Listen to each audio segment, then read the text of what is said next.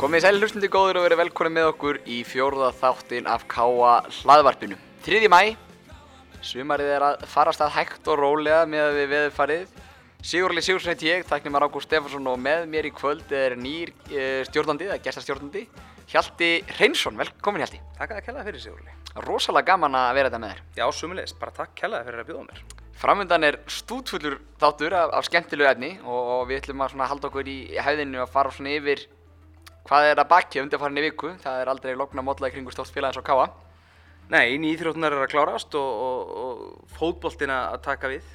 Já, og það er náttúrulega búið að ske frá því að því að heyrði frá okkur síðast er að knaspundildelt Káa held kynningakvöld hérna fyrir fram á stútfullum uh, sal þar sem Túfa rendi yfir liðið sem mun, hann mun tefla til leiks í sumar. Mjög flott, vel hérna. Já, frábært kvöld og bara mjög gaman að sjá mætingun líka og myndaði svona stemningu fyrir fyrsta, heimil, nei, fyrir fyrsta leikin í dildinni. Og uh, það er nú ekkert rosalega breytingar á leikmannahópnum, ég er nú vissum að hlustundur eru nú búin að fylgjast nokkuð náðu með því en, en, en kannski nýjasta viðbótinn, Bjarni Mark Antonsson, Duffield, er kominn innan gæslepa heim aftur, hann er kom frá Svíþjóð, búin að vera þar undanfærið tvö tíðanbíl bara frábært að hann styrkir hópinu, ekki spurning. Já, klárt og sjáum það hann er strax byrjað að spila þannig að hann er klárlega að fyrir að setja marksitt á liðið í sumar. Uh, Þór Káa, það er spiluð á Káavelli, meistara meistarana við IBVF á sunnudagin var. Byrjaðar að safna tillum. Byrjaðar að safna tillum og, og tveir af fjórum eða fimm eftir hvað til horfaða eru konur í hús. Já, bara frábært hjá þeim að, klára þetta og, og bara verðskuldaði sigur. Liðið lítur mjög vel út, ég held að sé jafnvel sterkar enn í fyrra á pappirnum ef að ef að eitthvað er hægt að segja um, um liðið og, og bara verður mjög gaman að sjá liðið sumar við náttúrulega spáð uh, titlinum aftur og, og það verðist ekkert hafa áhrif á, á þá sem er í kringu liðið að setja eitthvað brjálaða press á það, það er bara stefnan sjálfsög sett á alla titla eins og það er. En það er svo sem örlítil, bara örlítil breyting á leikmannvarnum Bryndís er komin aftur fyrir svona þá sem eh, ekki vissu að þá sleit hún Helena Crossbund í, í leiknum, hérna, lengjubikarsleiknum og verður ekkert með í sumar. En Bryndís, uh, markmaður liðsfröði fyrra sem að læði skóna á hilluna eða hanskan á hilluna í haust er það er að taka slægin allavega svona fyrstum sinn. Já, sjálfsögðu frábært að fá hana aftur inn eftir þetta áfall. Þetta áfall fyrir bæði liðið og, hana sjálfa að slíta hana rétt fyrir mót og, og, en það ertu líka komið með markmann tilbaka sem að þekki liðið, þekkir allt í kringum og út og inn og er, er, er sjálfur sér valla nýr leikmaður. Þetta er mikil styrkur að, að fá hana tilbaka síðan eru svona útlendingarskipti, við fáum hana Ari sem var hjá Val, hefur gefið góða raun og, og, og hérna styrki lið og síðan er það svona mínum að þetta kannski eitt stærsti að bytti hérna á fjárskiptamarkanum Arna Sif Áskvæmsdóttir er komin heim, hókina reynslu. Já, annar leikmaður sem þekkir allt í kringum félagið, náttúrulega búin að vera hérna í mörg ár og, og bara algjörlega frábær, leiðtói mikill og náttúrulega gríðilega sterkur leikmaður, gefur hópnum aukinn kraft og bara verður mjög gaman að sjá holningan á liðinu með hana inn í liðinu og, og, og svo náttúrulega að halda þessum leikmennum sem að triðu titilni fyrir að flestum, flestum þar og, og þannig að það er að sjálfsögðu erfitt að spá liðinu öðru en, en góðu gengið sumar. Svo náttúrulega ekki glemma því að ungustelpun er náttúrulega árið eldri. Við sjáum í þessum leikkomandi IBF, borgarstjórun settur eitt, settur fyrsta markið en síðan Margret Átnandóttir sem settur síðan tvö og hún áður eftir að vera sjóðandi heitt sumar. Já heldur betur og, og búið að vinna gott starfi kringu félagið, þeim er ekki bara með meistarflokkin heldur líka með yngreflokkana og, og, og hamrarnir að koma sterkir inn líka. Þannig að það er eh, annar mjög góð punktur að það verður gaman að fylgjast með þeim líka. Þannig að. Það eru örgulega spennandi tímir fórmyndan þar. Donni, þjálfararleysins, er náttúrulega óbreytt þjálfararteimi. Donni kom hérna á pallbóðsumræður á kynningakvöldi í Strákana og hérna að spurur bæði út í álita kallaboltanum og, og síðan hvernig hann teldi sumari fara hjá Þórká að uh, Þórká held síðan kynningakvöld á þriðjudaginn í Hamri og, og, og var vel sótt af, af, af hérna, mörgum stundismennum áhuga mennum í liði. Donni frekar kókrustur, hann er bara hann er bara allar að ekki verja títil, hann er allar að sækja hann aftur. Já, verður hann ekki að segja það. Það er að sjálfsögðu press á liðun að sækja títil aftur og liðið er sterkara á pappir held ég heldur en í fyrra hreinlega. Þannig að það, hann, hann á erfitt með að segja annað en að hann ætla að berjast og sækja alla titla. Það væri skrítið að ætla að segja eitthvað annað. En uh, auðvitað verður uh, mjög gaman að sjá liðið í, í deildinni og byggarnum í sumar en, en ég hlakka líka mikið til að sjá liðið í Európa-kefni. Það verður mjög gaman að sjá hvernig anstæðinga þau fá þar og, og, og síðan reysluna sem að, sem að liðið færa því að mæta mjög sterku liði. Mjög mikið æventýri og, og náttúrulega hýttur að gefa hópnum mikið. Já, sjálfsögðu og, og auðvitað öll svona auka innan gæðslappa ævintýri styrkja hópin líka og, honum vel saman þannig að þetta verður frábært sumar held ég hjá liðinu Uh, það var ekki bara þessi Þór Káa-leikur og síðan fyrsti leikur í Pepsi á strákonum um helgina. Uh, öll íþjóftahús og akkur voru undir lögð undir Blaka 2018 eða öldungamóti í Blaki sem Káa er að halda núna held síðast fyrir fjórum árum. 1500 keppendur allstar hafa landinu lögðu leysina norður í höfustæðin til að, að, að hérna, keppi í Blaki og geggja mót. Já, eh, bara með stærstu íþrótta viðbörða á Íslandi reynilega Engin spurning þetta er, á, þetta er á pari við ennættmóti að þáttakandafjölda og þetta eru eh, náttúrulega allt fullóðin einstaklingar. Þetta eru, þetta eru fullóttir einstaklingar sem að náttúrulega það sem gleymist ofti, svo ég verði nú aðeins pólitískur já þannig til þegar, þegar að það er mjög món að vísa að þetta er allt fullóttir einstaklingar sem sækja akkurir heim, þeir gistaði í bænum, þeir borðaði í bænum, þeir skemmta sér í bænum og vesla hér í bæ. Þetta ekki bara sko ítir undir það magna íþjóttastar sem er unnið á akkurir bæði hjá börnum, úlingum og fullótnum heldur skilur þetta eftir fullt af peningum í, í kassan Já, heldur betur, bara hvað er ekki fyrir bæina að fá að halda svona mót og, og að því sem að maður hefur heyrt og fylgst með virtist að vera mjög vel hefnað, það var náttúrulega alltaf hægt að komast að íþróttahúsum bæðirins hérna fyrir bílum og, og, og fólki. Og virtist bara vera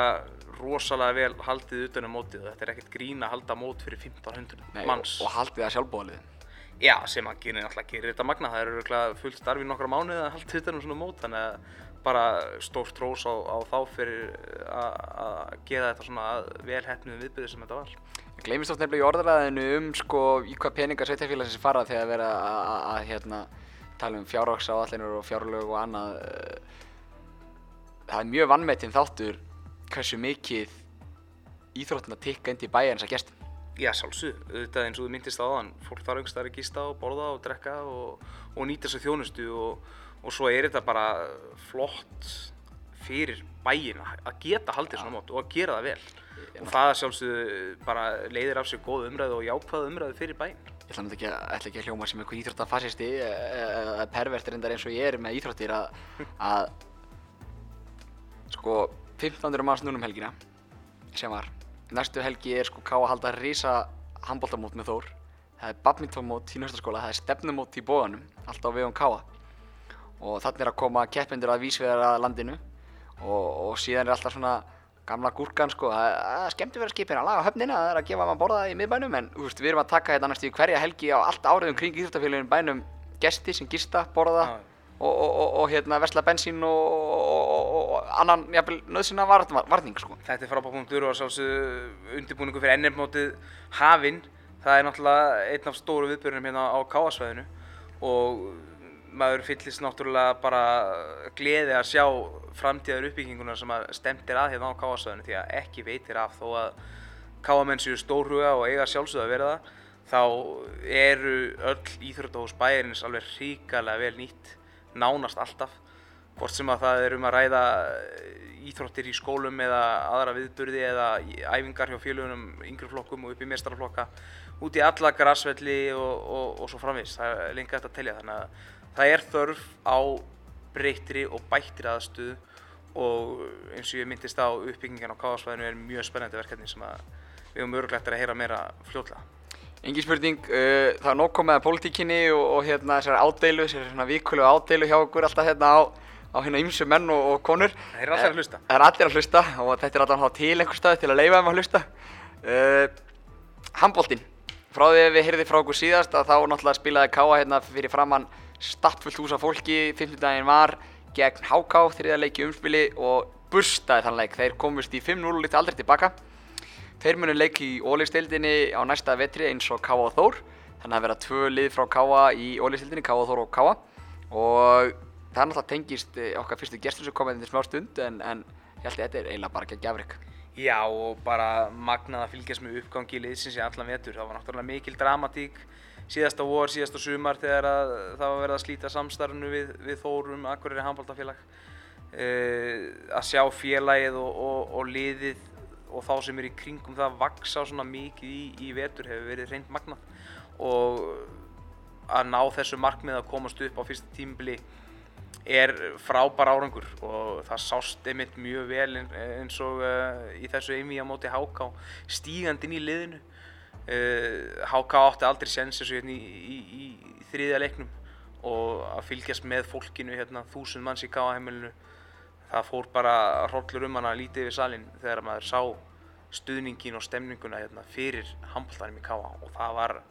magnað að fylgjast með liðinu í, í þessum, þessu einví Það sannfæri mann ofta, sést alltaf betur og betur bara að rétt ákvörðin að vera tekin. Ég held það, þetta var bara káa félaginu til heilla. Það var ekki samstæða um handbóltan í, í meistaraflokki Karla innan félagana káa á Þórs. Og þetta virtist alltaf, alltaf vera bit bein og, og, og káa vildar sjálfsögðu koma meira að starfinu og, og endanum tók þessa ákvörðin að slíta sig frá, frá samstærinu. Eftir að higgja klárlega rétt ákvörðin við höfum fylgst með liðinu hérna og félaginu í vetur vaksa gríðarlega og stemningin fyrir handbóltanum alveg mögnuð og það er, það er mjög gaman að sjá ekki bara fjölskyldu stemninguna að sjá fjölskyldu leikmanna hérna rétt fyrir utan og, og en að sjá líka uh, leikmenn meistaraflokks Karla og hvenna í, í öllum íþróttum fagna hérna í handbóltanum liðinu í öllum leikum að sjá Guðmund Þórusson og, og félaga hérna upp í stúku hvetja að káa handbóltastrákan áfram hefur verið magnað og það var að sjálfsögðu þetta sem að káa hugsaði um þegar það var að slíta þessu samstarfi að, að, að byggja upp handbóltan í káa og að byggja upp félagið í heilsinni það gekk ekki í samstarfun eins og það var en það hefur gengið vel í vettur og, og nú er stefnan tekin upp að þið Engi spurning, uh, við ætlum að fá til okkar góða gesti og gera upp aðeins handbóltíðanbilið. Komni til okkar tveir frábærir gestir, Stefán Átnarsson, þjálfari meðstofur Karla í handbólta og Hattur Júliur Stefánsson, formaður handkvæmsleita K.A. Verið velkonni strákar. Já, takk fyrir, takk fyrir það. Takk fyrir það, kjærlega. Það er kannski líku við að, að byrja á, í, í, í upphafi skal endin skoða. Við erum konur upp á deil, til hamingi með það og, og hérna, Stefán, ef þú ferðast með okkur yfir þetta úslitað einvið gegn HK, 3-0 sigur, virkaði svona í fjarskalla án auðveld, hvernig var að taka þátt í þessu? Bara eiginlega, drau, draumi líkast að, að mörgu leiti að hérna, eins, og, eins og flesti vita, að vorum við búin að vera í, í löngu fríi og, og hálgerum æfingabúðum fyrir þetta. En hérna, strákarnir voru gífurlega tilbúinir í þetta og gífurlega vel hérna, undirbúinir og það sem við erum kannski ánægast með að við bættum leik okkar mjög mikið í umspilinu frá leik 1 og yfir í leik 2 og síðan yfir í, í leik 3 sem var í rauninni líklega bara einn af okkar bestu leikjum í vettur og hérna hreinlega bara sprungum út hérna fyrir framann fullu káæmili, alveg hrikalega mikil stemming og, og, og mikil innlifun, þannig að þetta var bara ótrúlega gaman fyrir okkur og, og gífuleg upplifun og, gaman að geta tryggt þetta ólistöldarsæti. Og þú talar einmitt um fullt káheimili, uh, rétt tæplega þúsund manns og ég veit að liði selur og fallið verið handbóltir selur en, en, en maður sem sittur með þetta hægri hönd, Hattur Július, hefur átt stóran þátt í umgerðin. Hattur, segja okkur aðeins frá hvernig það fór svona stað umgerðarlega síðan í vettur og, og hvernig þetta leið á. Já, þetta er náttúrulega sko mikill metnaður hjá okkur og við vorum bara með það sem yfirlýst alveg að gera umgjörðina að 100% og láta leikmannum líða þannig að þeir væru á heimavelli og anstæðingunum að þeir væru sko alls ekki á heimavelli. Og við erum búin að kappkosta það að gera frábæra umgjörð búa til svona pínu sjó og það er stefnan að gera ennþá betri því fyrir fjölskyldur. Þannig að við séum að fá mun meiri uh, áhörundur og skemmtun inn í húsið og það er bara það sem Káa stendur fyrir. Og það er alltaf gaman að koma í Káa-heimilið og þá að vera þannig áfram. Það er það sem við viljum upplifa Stefán, svona flott umgjörð, þetta lítur að skila sér líka inn í leikmannhópin og, og, bara allt, að það sé svona flott umgjörð á leikjum og bara í kringum félagi. Alveg, alveg klálega, þetta skilar, skilar sér alveg gí- gífurlega mikið inn í hópinn og, og maður verður varfið að strákarnir eh, þeir er, er taka vel eftir þessu og þetta hvetur það áfram og hérna gefur þeim bara alveg, alveg gríðarlega aukna orku og maður sá það svona með, með, með hverjum leiknum sem leiði í vettur og náttúrulega endar í þessum þriða leik í umspilinu að strákarnir hérna elska að spila í KM-ilnu með þessa stemmingu og hafa fólki sem er hérna fa- fagnandi upp í stúku og hvetjandi það áfram og, en ég hugsa að það verið fáið sem nuttu þess meira að vera í KM-ilinu eins og í þriðarleiknum eins og, eins og leikmenn, leikmenn okkar liðs og, og það sést nú á vellinum og það er ótrúlega svona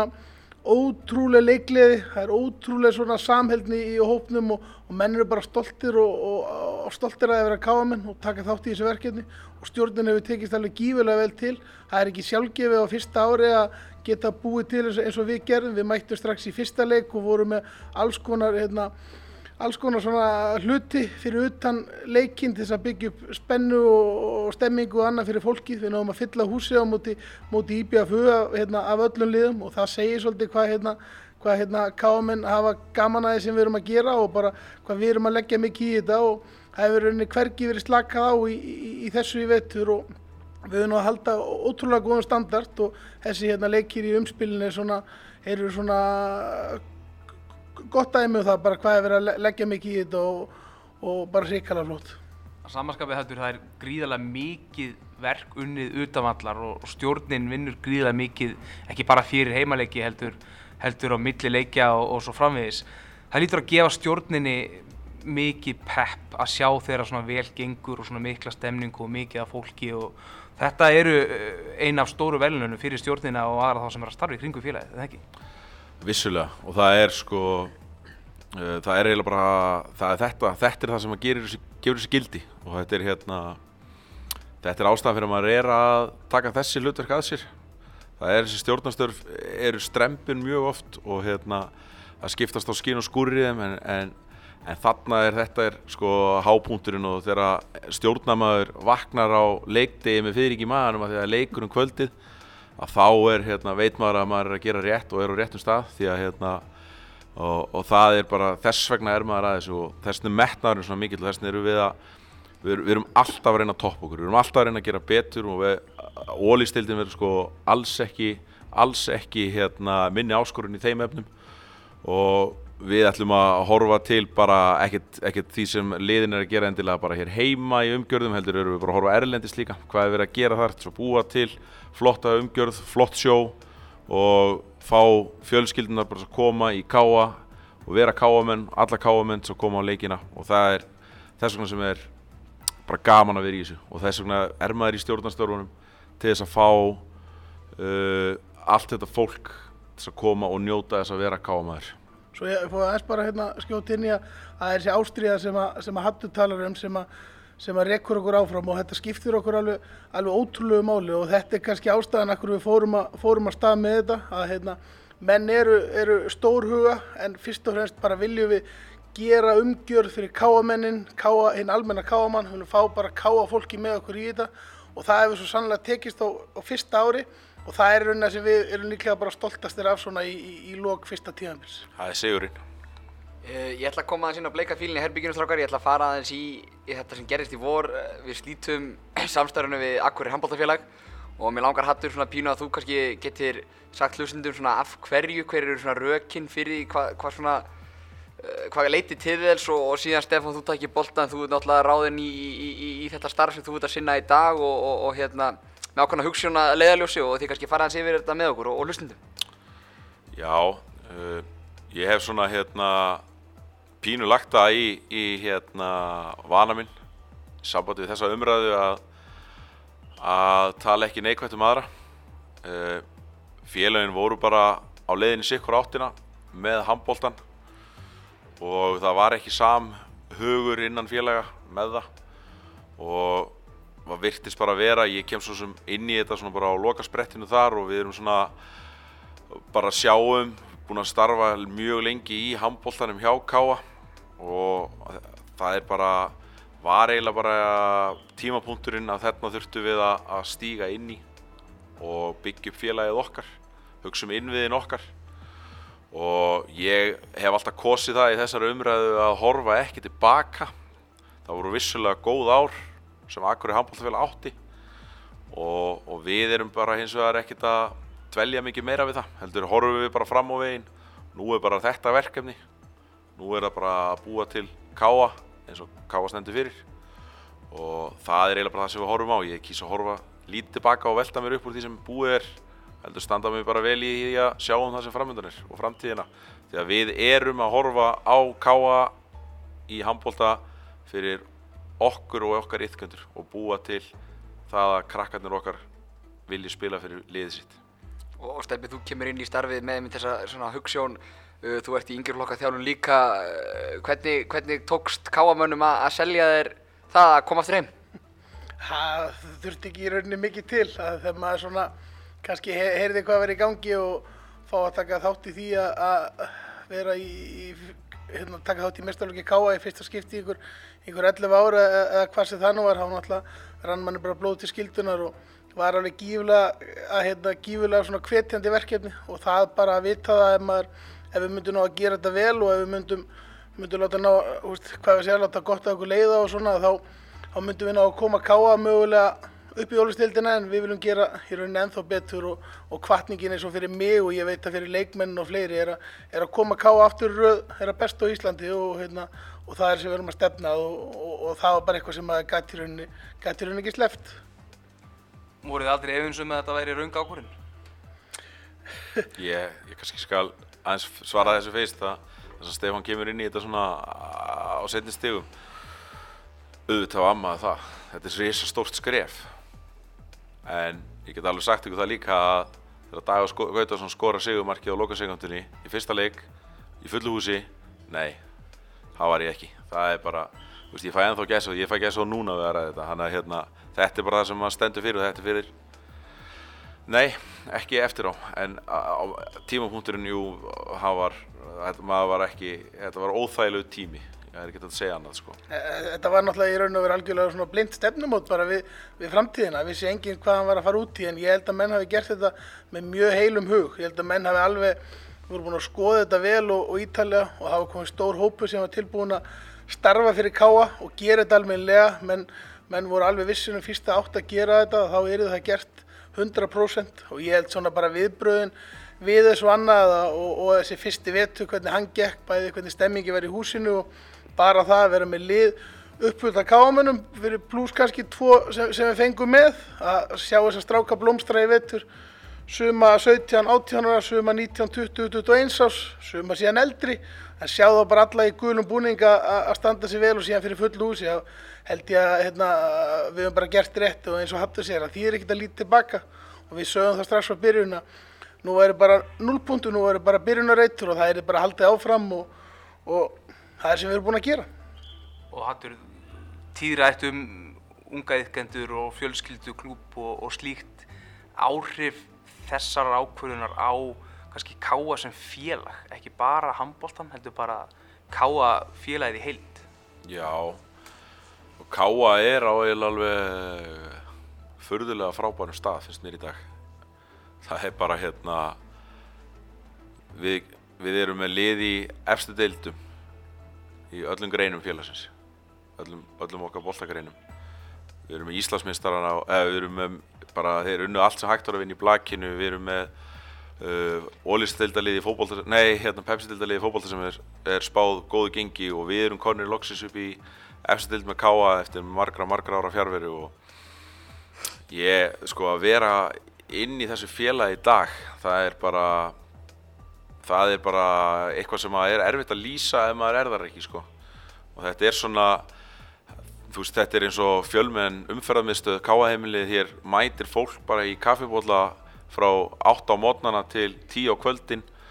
og, og sest niður og ræðir bara málefni dagsins og það er bara, það finnst öllum gott að koma í Káaheimilið og vera, fylgjast með bara, það er fólk að mæta og horfa á æfingar hérna hjá, hjá yðkendum eða meistaraflokkum og þetta er bara eitthvað, það er eitthvað mikið í gangi hjá félaginu sem að er frábært og það er frábær umfjöllun og það er, við erum að vinna frábært starf í á svo mörgum sviðum og þessu eru náttúrulega að fylgja fullt af vakstaverkum, hann að við erum bara á réttri leið en hún er, er hérna varasum og við þurfum að halda vel á spilunum en það er rosalega gaman að- vera í fjölskyldunni Káa. Steppi, gerður þér strax grein upp af að þú væri með liði höndanum sem getið farið upp og, og hvernig fannst þér svona veturinn spilans? Það var svona, það voru sigur og töp. Ég get náttúrulega enga veginn sagt að við, fyrir vissu að við höfum vitað að við myndum fara upp á, á fyrsta ári. Það var náttúrulega mikil, mikil óvissa bara frá, frá fyrsta degi. Við vissum í rauninni ekkert hvernig liðið er skipað og hérna, hver er, er þið nákvæða liði. En hérna, við vissum hvernig við ætlum að gera þetta og, og við náttúrulega kannski fyrst og fremst náttúrulega vorum að hugsa til lengri tíma að það væri náttúrulega bónus ef við myndum náði strax á fyrsta ára að vera með lið sem væri nægilega gott að komast upp úr deild. En það er náttúrulega ljóst að þegar við fengum, fengum fyr- fyrstu leikmennina og, og síðan svona þegar sumari gekk áfram og það bættust við reynslu boltar eins og eins og Heimir Átna, Hreinsu Haugs og síðan náttúrulega kom Ólafur Jóhann inn í þetta að þegar maður tók eftir í hvað voru í rauninni menn voru bara tilbúinir að hérna, taka þátt í þessu með okkur. Hann náttúrulega vissu við það að við varum með lið sem gæti farið í, í hérna, deilt þeirra bestu og það var alveg bara það var bara, hú veist, augljóst fyrir okkur að þegar við settust niður í, í, í, í, lo- í loka ágúst að við settum okkur náttúrulega bara margt með að fara upp um deild. Það, við, við, við, við sögðum það bara þegar við rættum saman að það væri náttúrulega glórulaust að þegar við værum, værum með flott, flottan hópa, við ætluðum ekki að stefna hátt og, og vera svolítið djarfir í því að hérna, Þannig að, en, en, þannig að svona, hvað ég segja, að þegar að leiða þess á, þá vissum við klálega að við værum með lið, en kannski ekki alveg á fyrsta degi. Og, og ef við spólum aðeins fram í tíman og, og þá spyr ég ykkur báðan alltaf hreinlega vinnan fyrir næst tíðanbili, hún farin í gang, það er náttúrulega ekki nema rétt vika síðan að að- að- að allt, allt gerðist og ef við sérst triðum þetta sæti og ef vinnan fyrir farin í gang. Já, vinnan er vissulega farin í gang og hún var eiginlega farin í gang fyrir svolítið síðan þegar við sáum í hvað stemdi en það var rosalega erfitt að þurfa að býða svona lengi eftir umspili og þurfa að vera að sitja hjá í umspili og þurfa að býða í, í, í eftir því hvernig það færi til þess að hérna að setja okkur, batta okkur svolítið í, í báðar af því að við förum ekki fram úr okkur hér. Ætlum að passa okkur á því, það er líkilatriði en, en já, við erum farinir að, að horfa til uh, næsta vetrar bæði í, í, í kallaboltanum og kvennaboltanum og, og ef við horfum á, á það núna þá er, var bara í dag gengið frá samning við örfendanleikmann sem að spilar með færiska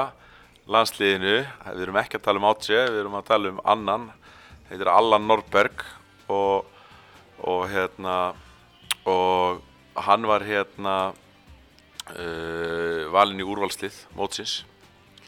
þannig að við erum strax konir á, á góðan stað í, í leikmannamálum Loksins konum með ör- örfenda mann í hodni. Að- konum með örvhentan mann í Þeir eru búin að nýt, nýtast okkur hrikalega vel þessi, réttendu, en það mun ekki skemma fyrir að fá, fá einn örfendan. Nei og Andri Snær gerir svo sannlega tilkall til þessi síðasta leika að fá að spila bara í hæra næsta ári Betur. En svo bara þar fyrir utan er náttúrulega hérna, gríðalegu fengur að hafa að fengið Heimirörn með okkur inn í þjálfarateimi og, og það er eh, maður með mikla reynslu. Þannig að, að þeir Stefán koma klálega til með að, að vinna flott saman og, og bindum bara mikla voni við þá í því samstarfi. Og það er hérna Heimir er, er náttúrulega bara uh, reynslu banki mikill og, og þeir eru verða flotti saman.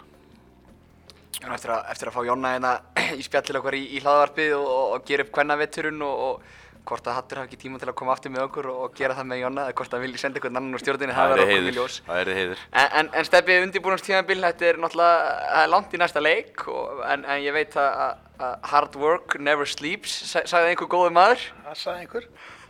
Já, já, og hérna, og við náttúrulega erum bara strax byrjaðir að, hérna, byrjaðir að undirbúa það. Það var bara daginn eftir að við, við fórum upp á, á tölu í og heimir og, ákvaðum að, hérna, að, að það væri klárt að við ætluðum að gera þetta saman og þá svona lögðum við grunninn, grunninn að þessu og hérna, við erum búin að hafa svona síðustu æfingu tímabilsins og, og hitta strákana og, og ræða við þá svona áður en við sendum þá í, í smá frí svona hvernig við ætlum að gera þetta. Menn fá ekki langt frí, þeir fá hérna fá tvær og hálfa viku held ég frá, frá loka leik og, og þá bara byrjum við, það er mikið það er mikið verk fyrir höndum, við þurfum að æfa fastar og æfa þéttar og það er alveg klárt að ef að, að Káa ætlar að standa sér hérna næsta vetur og þurfum við að hérna bæta lið okkar og við ætlum svo sannlega að bæta hana hóp sem við vorum í vetur. Við erum með fullta strákun sem eru rosalega duglegir að æfa og þess vegna ætlum við ekki að, hérna, ætlum við ekki að missa neitt tíma og við ætlum að styrkja það og annað og, og, sú, og, og, og það plan er bara, er, er bara að fara í gang og, og, hérna, og við, við byrjum, byrjum bara senn formlega ræninga fyrir, fyrir næsta vetur. aðeins talað um að liðið sé svona farið að eldast og, og slíkt er, er búið að staðfesta fleiri menn sem ætla að leggja skónu á hilluna líf fyrir það Það er kannski, ég veit ekki hvort við höfum að vera með eitthvað stór orð þattur. Nei, ég held að það sé, það það er engin, engin spila kveðileika en þá. Engin spila kveðileg og að ma ma ma maður veit aldrei. Það er bara, uh, nei, það er engin, það er engin hættur. Við skulum bara fara, það, fara, fara með það þannig. Sákar, það er búið að vera hrikalega gott að fá okkur hérna, til okkur spjall og, og gaman að skiknast þess inn í, inn í tímanbili sem er ný lið og, og bæði sem að fá þjálfaran og, og svo stjórnamannin fá, fá báða vinklana. Þannig að takk kærlega fyrir komuna í, podcast Káa. Takk hjá Já, takk fyrir. Já, þegar einn bolti hættir að rúla þá byrjar svo næsti, fótboltin er komin á stað, Pepsi-dildin komin í gang hjá köllunum, tveir leiki búnir á sísoninu, fjölnir og haukar og, og hérna, hvernig líst þér á þetta heldur, hvernig finnst þér þetta að fara stað? Bara nokkuð vel. Það er að sjálfsögðu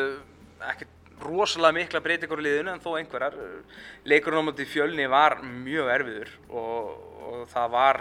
alveg augljóst sjokk fyrir liðið að fá á sig mark eftir, eftir eina mínútu eða, eða svo. Leikplanið hjá, hjá Túfa hlýtur að hafa riðila staðins en, en frábært að sjálfsögðu að koma tilbaka. Ég held að, að, að þetta gefi ágæta mynd af sumrun en þó hlýtur liðið að vinna sig aðeins, aðeins upp á við. Við sjáum síðan leikir á mútið haugum sem að var kaplaskiptur, fannst mér. Mér fannst við ráða bara vel við leikin í fyrirháleik og sækja stíft, svo dettu við freka mikið niður í setnaháleik en, en, en svo var eins og við fundum fymta gýrin undir lokin og, og, og kláruðum leikin vel. Þannig að ég er bara nokkuð spenntur og björnsinn. Það er náttúrulega skamt stóra okkar milli, fylgir á, á sunnudaginn og, og IBF heima, þetta eru svona lið sem er allan að spáð fyrir neðan okkur, er ekki mikilvægt fyrir okkur að, að sækja til sigur síðustu töfleik? Jú, heldur betur. Fylgir nýlegar er að fara að spila sem fyrsta leik eh, á heimavalli en hins vegar er sá leikur í Egilsöllinni þannig að auðvitað hlýtur að vera einhver stemning fyrir, fyrir fyrsta heimaleik á fylki þannig að það er mjög mikilvægt að, koma vel gýraðir inn í þann leik. Að samaskapið er síðan stutt í heimaleikin okkar 12. mæ á móti IBVF hérna heima. Það vonandi að völlurum verði, verði sæmilegur í þeim leik og mjög mikilvægt sérstaklega að nýta heimavöllum vel og að tapa ekki útileikinum eins og, eins og við sjáum bara núna að tapa ekki á mútið fjölni mjög mikilvægt, ekki bara stigasöfnun heldur líka bara momentum með liðinu að vera ekki að tapa og, og það er mjög mikilvægt þannig að alls ekki tapa neinum eh, leikjum og útivelli vinna heimaleikina, þá er það er uppskritt að góðu sumri. Hverju orðið sannara? Það er ekki laust við þessi gestagangur hjá okkur í dag í Káa hlaðvarpinu. Hingað eru mættir Hrannar Björn Stengriðsson og Elvar Árni Artinsson, verið velkonni strákar. Takk fyrir það. Takk, takk. Uh, Tíðanbilið fara á stað. Það eru búinir tveir leikir á svona official season. Við erum búin með eitt leik í deildinni sem fór 2-2 jættelgar í fjölni og síðan sigruðum við Hauka 2-1 á ásvöldu núna í vikunni. Uh, ef við byrjum bara á byrjunni og kannski spyrjum ykkur báða og, og hérna byrjum ykkur um að svona líta það sér við liðið. Hvernig, hvernig líst ykkur á þetta? Hvernig eru þið stemdi fyrir þessu? Já, bara mjög vel stemdir.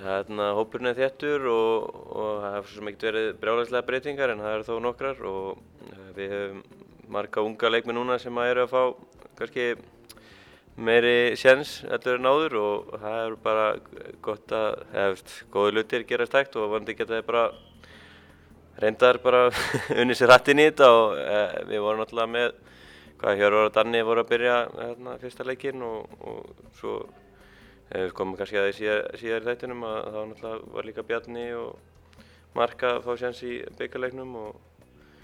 og já, ég minnist bara mjög vel á hópin okkar og við getum gert góða hluti ef þetta gengur allt vel saman, nei, gengur allt upp í suman. Já, ég er sammála alvari eins og hann kemur inn á Danni og Hjörvar byrjuðu leikina mútið fjölni og stóðu sér bara mjög vel. Danni náttúrulega hann er að skora, það er bara frábært og, og líka eins og í bara hauka leiknum að þú sér að Ímir er í, í starting og hérna Bjarni Mark fekk mitt síðans líka og svo líka mútið fjölni, þá voru Frosti og, og Ólafur Ránar kom inn og þeir bara menn er að standa sig vel og það er gott að sjá að það eru ungi leikmenn sem eru tilbúin að stíga upp þegar að þegar að þarna, þú veist, þegar aðri leikmið fara. Þannig að það er bara ljómandi gott. Og eins og Elvar segir, það hef ekki verið stórkostlega breytingar, liðið er búin að vera núna uh, vel mannað og, og svona alltaf kannski ein, tvær breytingar á, á hverju ári, kannski svona aðeins meira núna enn í fyrra, en, en stemmingin í hófnum, er, er, er hópurinn samheldin? Já, mér finnst það. Ég er náttúrulega, hvað, þetta er örgulega, hvað ætla þessi, fymta tímafélum mitt hérna, fjóraða eða fymta. og mér hefur fundist frá því kominga bara ár frá ári eh, stemningin verða betri og betri og hópurinn sannlega verða betri og betri kannski bara fyrir viki ég, þetta hefur bara verið stígandi frá því komina fyrst þannig að ég get ekki, það er voðalega klískjönd að segja alltaf fyrir hvert einast tímanbíl að stemningin sé rosalega góð og hefur aldrei verið betri en í mínu tilviki þá er það held ég bara í alvöru satt sko, án gríns. Ég, Elvar er kannski sammála mér með það síðan að hann kom sko. Já, veist, ég er bara ánægður með hérna hópi núna og, og veist, eins og hann var að segja þá erum við náttúrulega búin að hérna, ég, að, ég er að byrja mitt fjörða en hann er náttúrulega Já, ég, þetta er fymta mitt þá. Já, e, þú veist, maður hefur fundið hvernig þetta bara, þú veist, umgjörðin og allt er alltaf bara vaksar náttúrulega ár frá ári og við erum náttúrulega að byrja okkar annar tíðanbíl núna í Pepsi-deldinni og, þú veist, það er kannski erfitt að taka eftir því þegar maður er, þú veist, en maður finnur það samt alveg, það er allt annað bara, þú veist, allar æfingar og svoleiðis með hvað við vorum fyrst. Og bara verður svona, þú veist, þetta er hópur og núna, veist, þegar ég var að koma var þetta líka þannig að voru svo margir leikmið fyrir sunnan og, veist, menn að koma seint en núna erum við eiginlega bara að fá allan mannskapinn bara í byrjun janúar, þú veist, Archie og Callum voru bara konur í janúar og Atso líka og Veist, þessi menn sem eru búin að vera hérna og mér finnst það að skipta miklu máli, við erum ekkert með neina sem eru fyrir sunnan í skóla og sem eru að æfa þar og eins og hefur oft verið. Þannig að veist, mér finnst það líka skipta svo miklu máli að veist, all lið er bara hér og við erum allir að æfa saman og, og það finnst mér líka sína bara hversu gott þetta er orðið. Hversu miklu máli skiptir umgjörinn í kringum félagið? Þú myndist á að hann var alltaf að verða betur og betri og, ekki endilega bara í kringum fókbaltan heldur bara félagið verðist að vera að vaksa mikið. Hversu miklu máli skiptir þetta fyrir, fyrir leikmann?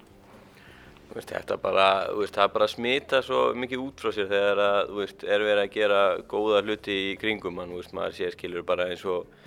stuðningur, til dæmis eða hann er betri þá fylgir oft hérna, betri úrslit og uppgangur og allt það skiljum við, bara eins og þegar Silurskeiðin var upp á sitt besta, veist, þá voru stjarnanmeistarar og, veist, bara eins og Þór Káa í sumar og mjög flottur stuðningur á þeim og það er endur sem meistarar og, veist, bara að hafa, veist, eins og doktor í okkur skiljur og við séum allan æfinga vatnað og maður þarf ekki að vera að hugsa neitt mikið, maður getur bara alltaf einbjöðs á æfingunni og er ekki að gleyma einhverju dóti heima og eitthvað, veist, þá þarf maður bara að mæta staðinn og er með allt klárt. Og auðvitað er hlutir ennþá sem hægt er að bæta og allt það en,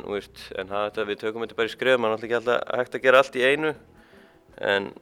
ja, umgjör er klárlega mikilvæg og, og hérna vonandi höldum við bara áfram að bæta hana. Það er náttúrulega veist, það þarf að náttúrulega veist, við þurfum að fá betri svæði hérna upp á káasvæði þetta er svo mikið millibilsástand eitthvað hann er á Akurvellu hér upp frá og,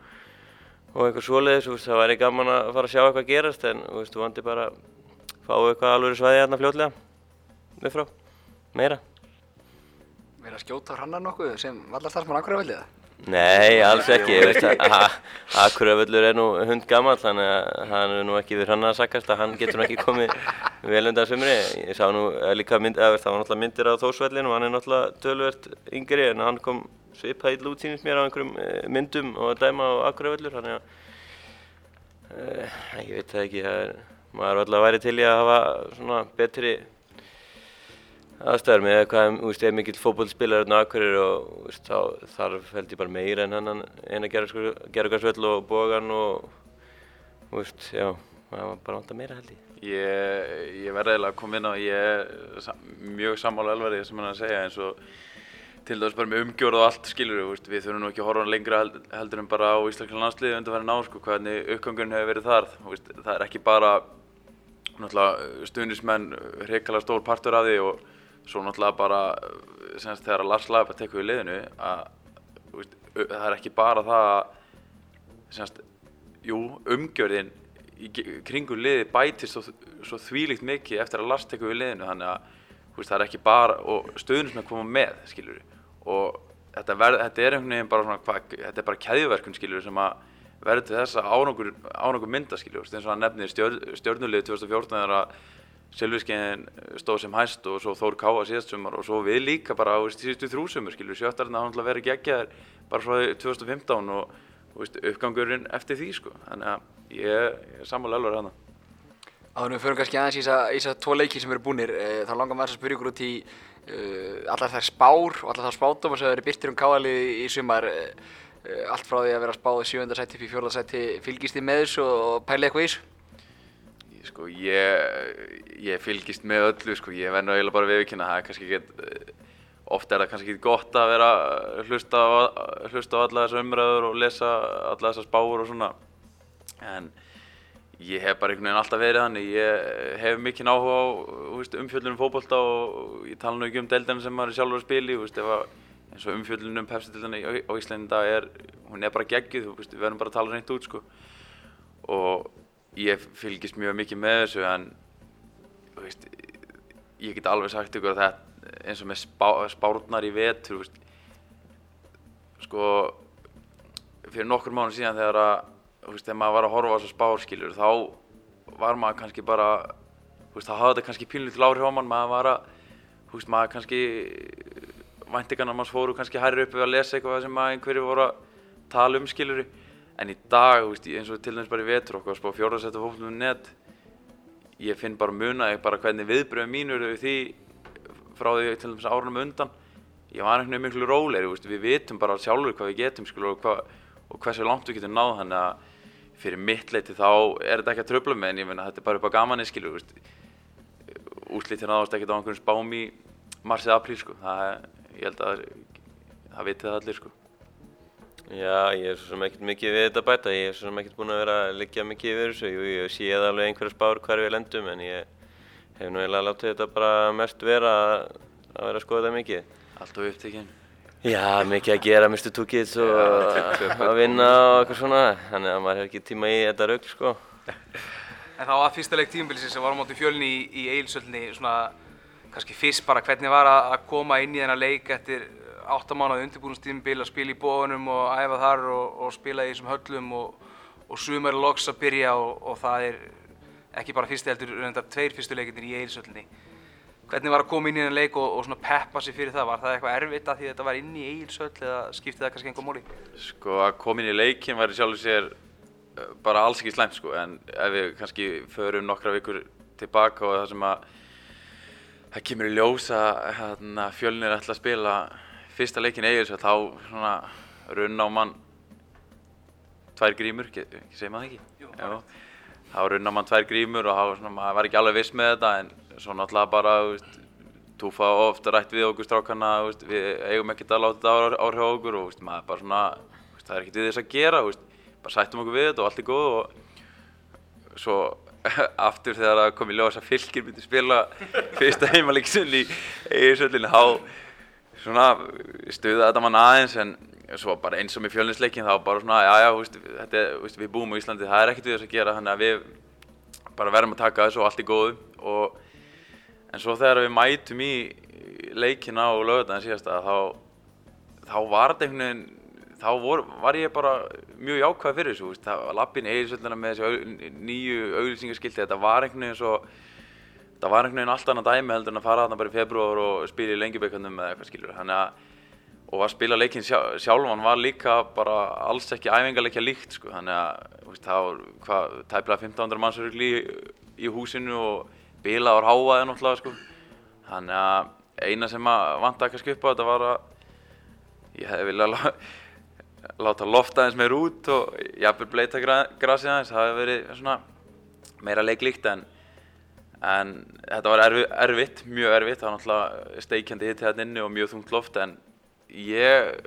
þetta kom mér gríðalega óvart á mjög jákvæðan átt, ég verð bara, verð bara að segja alveg sér, vonandi verður bara eins á sundaginn. Já, ég er bara alveg samanlega þessu, þetta var, þú veist, það var náttúrulega búið að draga stúkurnar hérna út hinum meginn, þú veist, maður er náttúrulega bara vanur, vanur í að séu hérna þessar örfáu sæti úti sem að er einhver tíu manns að horfa á mann hérna í þessum vetraleikjum. Þannig að, veist, og þeir voru með þessa ægilu flottu Ramos auðlýsingaskilti hérna sem að,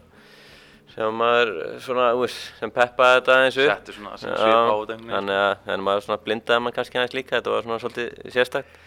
Svo eins og Daniel Haftisvinur minn sagði, þá var þetta náttúrulega bara svo nú kamp hittinn og, og háaðinn og þannig að þetta var, jú, jú, þetta var mikil stemning en það var líka, að, hérna, svo náttúrulega lendum við hérna, undir snemma og þurfum að elda leikinn tvísvar og sem hérna, tók svolítið púður að koma tilbaka og djöblast. Við varum bara eins og ljóna elda antilopur eins og þú fóruð þetta, þannig að Þannig að, já, þetta var eins og Rannar sagði, það var náttúrulega steikjandi hitti þarna og hann var mjög erfitt og það var einhverju nokkri hérna sem einhver krampa og eitthvað svona vissin nema ég var náttúrulega búinn að duglega að taka magnesíum og svona þannig að ég fekk ekki krampa þannig að, Já, ég er alveg lausið, það ekki þannig að þetta, já, þetta var, þetta var bara gaman og ég lakka til að, að spila aftur um helgina í Eisull, ekki spurning. Ég ætla að gerast þetta djarfur strákar að það hef ekki verið upplegið að fá sér mark eftir 62 sekundur. Segðu okkur eins frá uppleginu fyrir leikinn og, og hvað hva síðan breytist þegar þið fáðu þetta mark í handliti. Mm, nei, að sjálfsögðu, það er náttúrulega upplöki fyrir alla leikjar að halda hreinu, sko. Þannig að það var svona pínu skellur að fá þetta mark alveg í byrjun, en Já, planið farið bara. Hvað segir við? Planið var bara farið þannig eftir síst tvær. Já, nei, ekki alveg, en þú veist, við náttúrulega, þú veist, við höfum sínt það ofta áður að við getum komið tilbaka, að, þú veist, við, hann letum þetta ekki alltaf, alltaf mikið á okkur fá, hann og við erum með mjög gott lið og vissum alveg að við getum komið tilbaka eftir, eftir hennar skell í byrjun. Þetta var kannski mest slæmt upp á að kannski fjölnir, við vissum að, veist, fjölnir var búin að tapa síðust tveimur leikið fyrir mót frekar illa bara, ef við, ef við tala reyna íslensku, þá fengum við skella mútið breyðablík og svo töpuður örgla aftur mútið fylki þannig rétt fyrir mót þannig að við vissum að þeir, þó að þessir æfingarleikir hafa kannski ekki brjálu áhrif þá vissum við alveg að þeir kæmur svona kannski pínu særðir og kannski ekki með sjálfstöðst í, í kvínandi botni. Þannig að við ætlum náttúrulega að sjálfsögða að sækja það bara eins og, eins og við gerum í, í öllum leikjum sko. Þannig að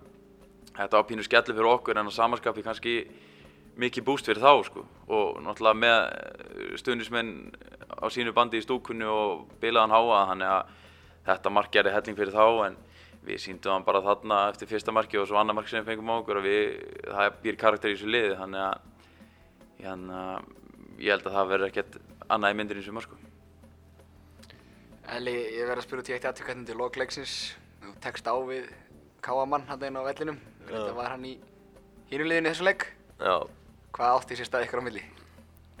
hvað átti sér stað? Já, þú veist, þetta var svona smá shove og ykkur báði gullt og eitthvað. Já, þú veist bara, þú veist, Alman er náttúrulega algjör töðari og, og grófu leikmaður. Þannig að, þú veist, ég var bara aðna eitthvað rólegur að fara í einhverja pressu og keirir hann með allt í hennu niður, ég sá, sá hann ekki eins og og þarna og var eitthvað að segja að þetta hefði verið eitthvað lélægt að mér að detta þannig að ég er rétt hérna blés á bringun á hann og létt þessi bara hverfa hann á hann í jörðina. Þannig að þetta var nú ekki meira mál en það við tókum snú fljótlega í hendur þetta og þannig að þetta er lengur búið Ég sá okkur líka flugvöldinum í gerð þegar fjölni var á leiðinu suður aftur eftir að við komum heim úr byggaleginu þá fættist ég beðið faðma ég, ég sé hvað, ég var bara vandræðalur þarna hvað hvað var sinnilega maður Öðsjókur. Já, ná- lágið, en það er ga gaman að sjá þetta, menn takast á hann af vellinum en svo varum menn bara vinir þegar að þegar að flauta til leiksloka.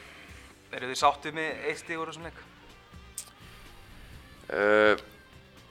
ég er nú, það er nú eiginlega á sama á móti hverjum ég, móti hverjum, með móti hvað liðið við spilum, þá er ég persónulega aldrei sáttur með annað en sigur, en kannski úr því sem komið var í þessum leik, þá, ég veist, það þýðir ekkert að grenja neitt, maður, veist, við bara tökum stíið og, og höldum bara áfram, eins og Túfa sagði, öll stíð eru mikilvæg og ég veist, það eru nóg að leikjum eftir í þessu blessaða móti til þess að sækja sigra þannig að þetta er ekki til að til að missa neitt vatni yfir sko. Hvað síðan, hvað gerist á milli leikið það stutt eh, í haukaleikin? Er, var mikil endur heimta eftir þennan leik og náttúrulega gríðarlega margir sem að voru með krampa og annað eins og, eins og við, við sáum eh, hvað voru svona skipaninnar frá túfa fyrir, fyrir leikin á móti haukum. Það var bara að vöka sér vel og hérna fá öll þessi næringarefni og steinefni og allt þetta sem að þarf til til þess að gera líkamann kláran fyrir næstu átök. Við tókum bara hérna tvær léttar æfingar hérna á milli leikjana og, og já, varum bara að safna upp orku til þess að hérna, taka vel á þessum byggarleik. Við erum alltaf búin að detta tvö ár í röðu núna bara út í hvað þáttu tækjarlega viltum. Þannig að það kom ekki til greina að gera það núna þriði ári í rauð, þannig já, þannig við vorum bara ákveðnir í að styrkja okkur bæði líkamlega andlega fyrir þessi átök á ásvöllum. Það er svona oft lenska meðal þeirra sem er að horfa á, á sitt lið og, og fylgjast með því að svona, þeir hafa oft á tilfinninguna að liðið sé kannski ekki á 100% traða. Ég, ég heyrði umræðum það að liðið hefði verið kannski þreytt svolítið eftir haukaleikinn og, og, og hefði svo eftir fjölunsleikin fyrir geðu og, og hefði svo bara gefið í þegar að haukarnir voru búin að jafna. Va, leikmenn hugsa vantarlega ekkert svona í, í leikjum, þeir eru ekkert að spara sig. Nei, ég held tala nú fyrir alla eða alla leikmenn þegar ég segi það, veist, þegar út í leikinu komið þá verður menn ekkert að hugsa bara, já, ég ætla að vera 85-90% í dag, sko, það er aldrei þannig. Ég meina, maður, þetta er líka haukar, sko, við erum ekkert að, veist, þetta er bara flott lið í einn kassadeildinni, þannig að, veist, ég meina, maður er ekkert að fara og hérna, taka þetta bara um vinstri, sko, það er alls ekki svoleiðis, ég tala nú ekki um á útöðli sem að við ja, útöðli bara á móti liði sem að Káa hefur verið í bullandi basli með undanfæri ná sko, þannig að það var ekkert, ekkert vannmætt í gangi en eitt þannig og veist, eins og sást í fyrirálunum þegar að hana, þegar við vorum með boltan og jörðina að, spil, að reyna spilunum þá gekk okkur mjög vel og við lágum mjög mikið á þeim. Sérstaklega hangluðu skorum og komast yfir og svo svona dró aðeins úr þessu út fyriráleikin og svo í setni hálfunum dettum aðeins niður og þeir stjórnaði þessu aðeins enda náttúrulega veður aðstæðan voru kannski ekki upp á sitt besta. Það var eh, mikill vindur á annað markið og svo var bara haglél og rigning og sól og blíða til skiptis en vindurinn held sér alltaf þannig að en eftir að þeir jafna það var svona eins og við vorum bara að býða eftir að við myndum fá höggi, ég veit ekki hvað það er sko en en svo bara svörum við strax aftur skilur sem eins og við bara nefnum karakterin sem við varum að tala um á hann ég menna það er alveg saman móti hvaða lið við spilum að við það þýðir ekkert að slaka á menn verða bara, verða bara að halda áfram og reyna að ná í mörgum sko. Dreigið eh, bara í vikunni, það er sérlega bara morgun, eða sérst í dag. Já, í hátteginu. Í sérlega úrslutunum. Einhver drauma, drauma aðstæðingur? Nei, ég ætla, ég ætla ekki að taka klísuna át og segja að ég vilja bara fá heimaleik sko. Óh, ég ætla að segja það. ég, Völsungur dóttunleik? Já, því ég ætla að fara að nefna að ég mér langaði svo ógæðslega mikið að fara austur á húsæk og spilaði völsung, ég bara, ég titra bara í pyrringi núna að heyra að tala um þetta sko, að heyra að það dotti út á, bara það voru þrjá mítur eftir á hérna, framlengingu í gæra á móti fram sko. Þannig að, en eftir að þetta dotti út, þá er engin, engin drauma móteri sko, ég veit ekki hvað, Elvar, er þú með eitthvað sem þú vilt sjá frekar en annað? Það væri bara gott að fá heimaleik sko. ja, ég meina við erum samt búin að skilja, við erum búin að þrjá útileiki röð og Já, það er gott gott að geta að fá heimaleik, fyrsta leik í sko. Sko, við erum alltaf, að spila mjög þétt núna svona fyrstu vikurnar í mótinu og byggjarkeppnin farið framar og ég veit ekki hvað og hvað en jú, jú, auðvitað er gott að fá heimaleik en ég, þú veist, við bara bara tökum við á móti eða spilum við það lið sem við draugumst á móti, það er bara það er ekki lóknar. Engar áhyggjur af vellinu sem vallastjóri, valla starfsmæður allavega að, að, hérna, að fá fleiri heimilegi? Nei, nei, hann lítur náttúrulega alls ekki vel út núna. Nú er, hvað, við erum að tala saman annan mæ, það er Þriðja mæ. eh, þriðja mæ, fyrirgjöðu. Þannig að völlun lítur náttúrulega hræðilega út núna en ég held að 16. úrslutin í byggarnu sé ekki fyrir enn mánámutinn mæ-júni þannig að eh, ef að reynda skýta kuldi eh, búið að vera núna líka undan frá dag þannig að ef það fyrir að hlýna eitthvað þá, er ég mjög bjart sína á að völlunum verði bara nokkuð góður eftir fyrsta heimalik. Ég ætla ekki, hann verður slæmur í fyrsta heimalik á móti IBVF en hann tekur alltaf við sér það byrja að hlýna og það er alltaf, það er einhver sjarmið við að spila ákveðuröldi. Er næsti leikur í deildinu á móti fylki síðan á, á sunnudaginn. Eins og búin að koma inn á þá er hann í eigilsvöllinni fylki nýlegar og innkast á deildinni búin að tapa tveimur leikjum núna töpuðu 1-0 á móti Viking í, í, í, í svona það sem hefur verið talað um eftir á sem svona hvernig yðna fótbolti ekkert kannski engin fagurfræði ríkjandi en svona sprikl og barátt á djögulgangur uh, þeir spiluðu hins vegar hörkuleika mútið stjórnunins ég var svo heppinn að fá að sjá á stöðtöður sport hérna í vikunni í mjölkubyggandum og, og, og hreinlega ofnir að allan ná ekki framleggingu hvernig leggst það verkefni ykkur? Það leggst bara mjög vel í mig allavega. Fylgir hafa verið óöfnir í þessum fyrstu tveim leikir sínum, allavega svona sem maður hefur séð og heyrt. Eh, Þeir eru náttúrulega, þú veist, eru stórt liðan í Íslandi og voru náttúrulega mjög lengi í úrsteld og voru hann lengi vel oft í kringum toppinn og, og, og eru margir strákar sem eru búin að vera lengi í fylki þannig að þetta er ekkert svona kannski venjulegt nýliða liðan í deildinni sko. Þannig að þetta verður uh, hörku erfitt og, og en við verðum, við verðum klárir. Það er ekki spurning, við erum vanir að spila í ersöllinni Þannig að þetta er svona að verða okkar heimavellu bara. En við vorum alltaf, fengum svo náttúrulega rók og þrjár eh, gráður hérna í mildtíðinni, þannig að það var svolítið öðruvísi boltið hann á móti haukum, en það verið gott að komast aftur í hittan og góð sétin hann í, í Eirsöld, ekki spurning. Já, ég held að þetta fylgislið er ekkert, ekkert eitthvað eins og Elli segir, einhverjir nýliðar, ekki frekkanir keflingingar, þannig að veist, það eru tvö gríðalega sterklið komin upp úr, upp úr Inkasso frá því fyrra, þannig að og ég menna þetta fylgislið, þetta er bara stútfullt af heimamönnum og gríðalega stemning í hó, hópnum hjá þeim og bara allt á uppleifirist vera, þannig að það, þetta verður ekkert, þetta verður alls ekki, alls ekki öðuldu leikur, að við verðum bara að mæta á tánum og vera klári í verkefni sem ég veit að við munum alveg klárlega að gera. Því er vantilega ekkert að spyrja út í leikplan, það er vantilega bara að halda hreinu. Já, ætli það ekki, by, by, hana, byrjum allavega því að reyna að fara í leiki með að halda hreinu því að við vitum það að Káli það skorar mörg í 99,9% leikja þannig að ég held að ef við, ef við höldum hreinu þá, þá tökum við þrjústík, ég held að það sé, ég held að það sé deginlösara. Langar að spyrja ykkur út í, það er ákveðin stíli við káaliðin núna. Það var byrst myndir af ykkur á samfélagsmiðlum og, og, og annar stað það sem þið allir dressaði í jakkavött. Hvað, hérna, mér finnst þið flottir. Þakka ekki alveg fyrir. Er, er þetta eitthvað svona, hérna, eitthvað, eitthvað sem að þið leggjið upp með, túfa stjórnin, eða hvernig kemur þetta til? Svona, svona nýtískulegri ferðagalli heldur en renda Díadora Payson og jögnbúksunar. Já, það var nú bara minni með túfa sem kom svona, það ekki. Kannski fyrst með þetta på borðið, sko. Vist, ég man ekki valsararnir og káringarnir eru jakkaðið þegar fyrra veit ég í Pepsi. Allavega í heimaleikjum veit ég, en ég veit ekki hvort við hefum rætt þetta eitthvað síðast sumar, en næsta ári er við jakkaðið. Ég veit það ekki, en þetta einhvern veginn, Túfa kom bara með þetta upp á borðið og núni í vetur og menn tóku bara reyngilega vel í þetta og ég hef ég að tala fyrir sjálf ég, mér finnst þetta skemmtilegt sko, þetta er svona svolítið öðru sí, en ég, ég veit að sumir eru kannski, það eru reynda bara tveir, tveir útileiki búinir þar sem erum búin að jakka öllum og það er einhverju liðinu farin að ekki, ekki bölva þessu kannski en svona æ, ekki alveg nógu sáttið með þetta en ég meina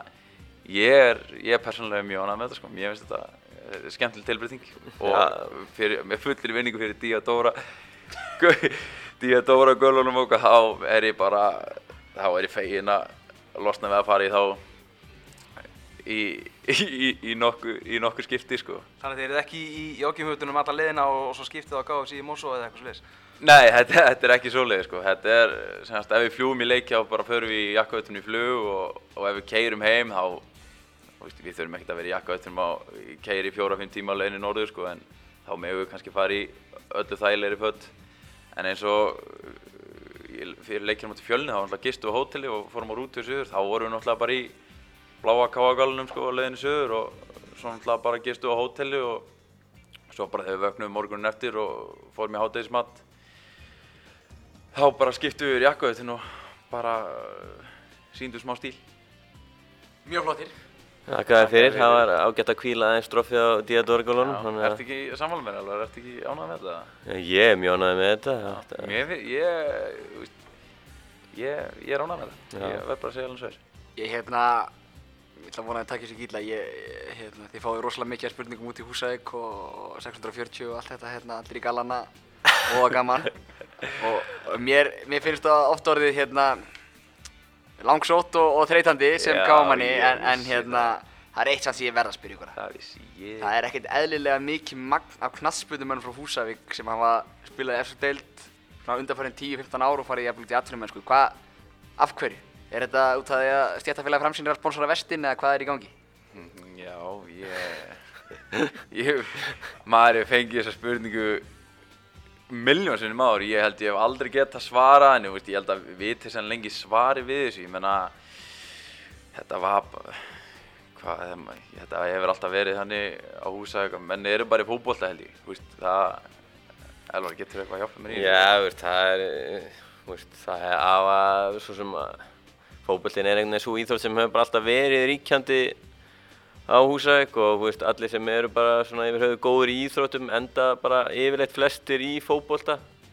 Þannig að, þú veist, kannski eins og annar staðar þá á kannski dreifaðist hæfileikarnir, þú veist, farið í þessi íþrótt og þessi íþrótt og eitthvað svoleiðis, meðan að þetta endar svona yfirleitt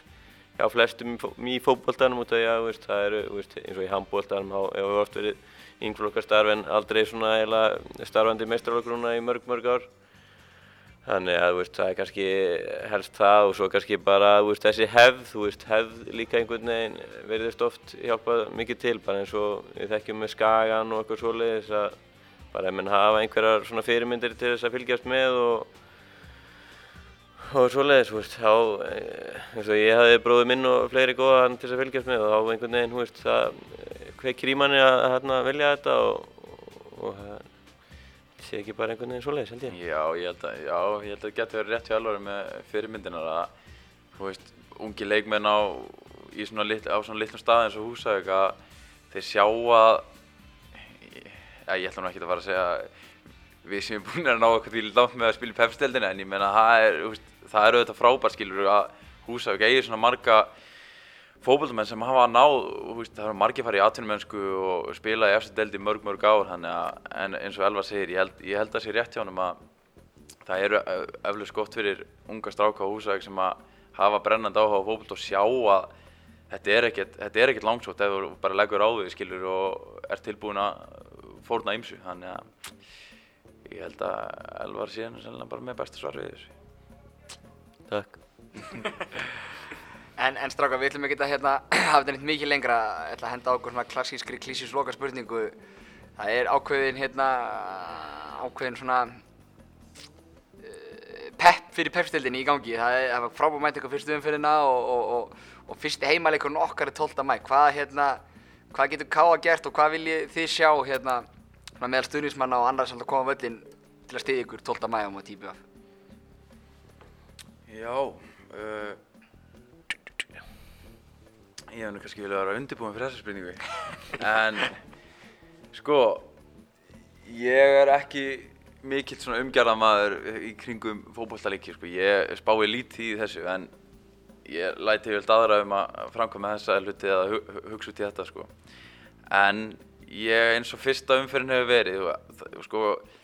Káa getur tekið svolítið mikið á hugmyndum frá liðum út í að þú veist, við hefum náttúrulega ekki heimaleik fyrir í þriðju umferð þannig að það eru tvær umferðir undan okkar og það er mikið búið að fjalla um hvernig umgjörnum var hjá liðum í fyrstu umferðinu og verður selina áfram eftir, eftir umferðinum tvö. Þannig að ég held að þetta sé svolítið þannig að Káa geti bara semast, fengi hugmyndi frá öðrum liðum í deildinni og komið með þær hinga á norður og veist, er þetta ekki bara svona að gera þetta semast, meira einhverju upplifun, veist, gera, þetta, gera dag úr þessu og hana, hafa þetta svona kannski veist, eitthvað fyrir krakkana og bara alla þessa klísjur sko. Þannig að ég veit ekki eh, hvort að Elvar er Ég- náttúrulega, Ég veit það var fullt af fólki í Eilsvöllinni sem var skammaði sín fyrir að koma seint á þegar hún var til fjölni. já, ég, Það döðskammaði sín. já, mér finnst, það frábært eins og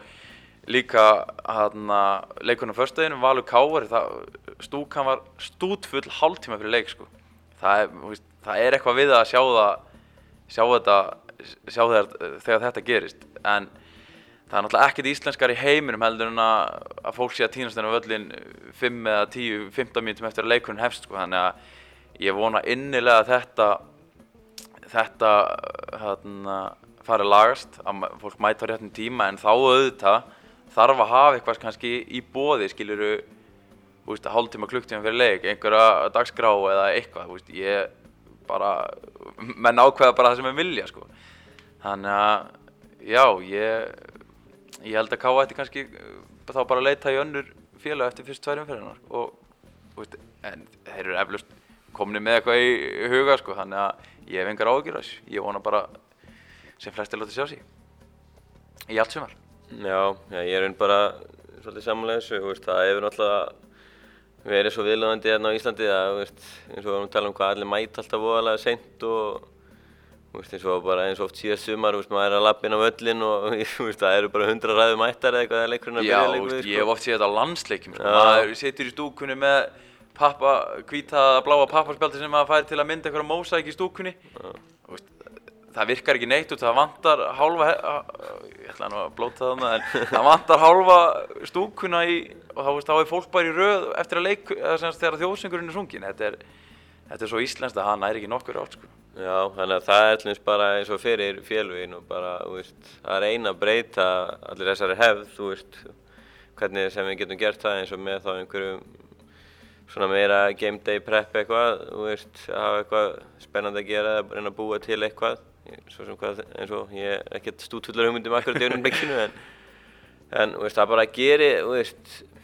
það verður bara allt svo miklu meira líf í kringum þetta og miklu skemmtilega að mæta á leiki veist, þegar menn eru bara mætti tímalega veist, og er miklu fleiri stúkunni og menn er að tala og það er stemning og einhver er að syngja og tralla og það verður öll upplifun miklu merkilegri, maður fer að leik kannski útlöndum það fer 0-0 er hundleðilegur en þetta er bara mögnu hérna, upplifun og það er svo margir vellinum og margt að gera sko. Þannig að bara, veist, er þetta sem að það væri magnað að þetta geti haldið áfram í sumar, þú veist, alltaf bara ein umferð búin en vonandi getur þetta haldið áfram að eflast og, og veist, mun ekki bara deyja hægt og rólega út eða líður á tjömbli. Sammála því, en eins og mér langaði að bæta við þetta það er fólk gerir, gerir sér kannski ekki nógu mikla grein fyrir að þetta smita líka rosalega mikið til leikmanna. Þú veist bara þú veist ef að fólk mætir á völlinu það er eins og Birkir sagði hérna á stuðnismannakvöldunum daginn að það er enginn að tala um að þurfa að mæta og vera organdi eins og vittlisingur sko allan tíman en mæta og sína lit skilur, mæta í gul og vera í stúkunni og bara sína stuðning, þú, þú þarft ekki að vera organdi allan leikin en þetta þú veist, að sjá 1500 manns í stúkunni það, það er hellingu fyrir okkur sko, og þá gefur okkur helling þannig að ef að stuðningunum kemur þá, þá fylgir bara orgur ég get bara, ég get lofa því Þetta eru frábár lokaord, Hrannar, Elvar, takk fyrir komuna í K.A. hlaðvarpið. Takk svo Strákur, Takk Já, skemmtilegir strákar, Hrannar og Elvar, ekki, ekki síður skemmtilegir eins og, eins og Hattur og Steppi. Húsavíku bræðurnir, frábærir að halda. þessu húsavíkur, ekki alltaf maður. Heyri, þetta er að við erum að fara að slá botnin í þetta, það er nokkur hluti sem við viljum náttúrulega minna á ef að káa fólk er ekki fast á badminton, fótbolta eða bla, nei, hérna, handboltamótum helgina þá hvetjum alla til að fara á faraldsfót. Byrja á lögadeginum uh, Suður Grindavík, þessi Þór Káa spilar fyrsta leikin í pepstildinni á móti Grindavík. Kemur kannski einhverjum orð að í Grindavík spilar á móti Grindavík. Uh, Káa spilar síðan við fylgja á sunnudaginn í Egilsvöldinni og mikilvægi leikir hjá báðum liðum Þór Káa náttúrulega vilja by- byrja titilvörðina á, á sigri og, og náttúrulega uh, alltaf mæta hungraði til móti fylki eins og Hrannar og Elvar sögðu okkur frá Heldur betur og svo er að, tryggja sér ásmiða fyrir fyrsta heimileikin í pepstildinni 12. mæ. Engin spurning, það er þetta á sambandi við mig eða Ágúst í sambandi við ásmiðana eða hreinlega kombi Káa heimil og, og fjárfyrsta kauphóðunum slíkum að styttist óðum í fyrsta heimileika eins og fólk sér eða lítur út á gluggan grasið er grænt og sólinn skín í heiði En við ætlum ekki að hafa þetta lengra í bili í næstu viku þá ætlum við að taka góða kyrslu á kvennafótboltan þá eru deildin komin á svo stað og styttist í fyrsta heimileika stelpunum. Aldrei við tennum fáum til okkar góða gesti. Uh, Hjalti Reynsson, takk fyrir að vera með mér í dag. Takk sem leiðis. og Ágúst, þú frábær eins og alltaf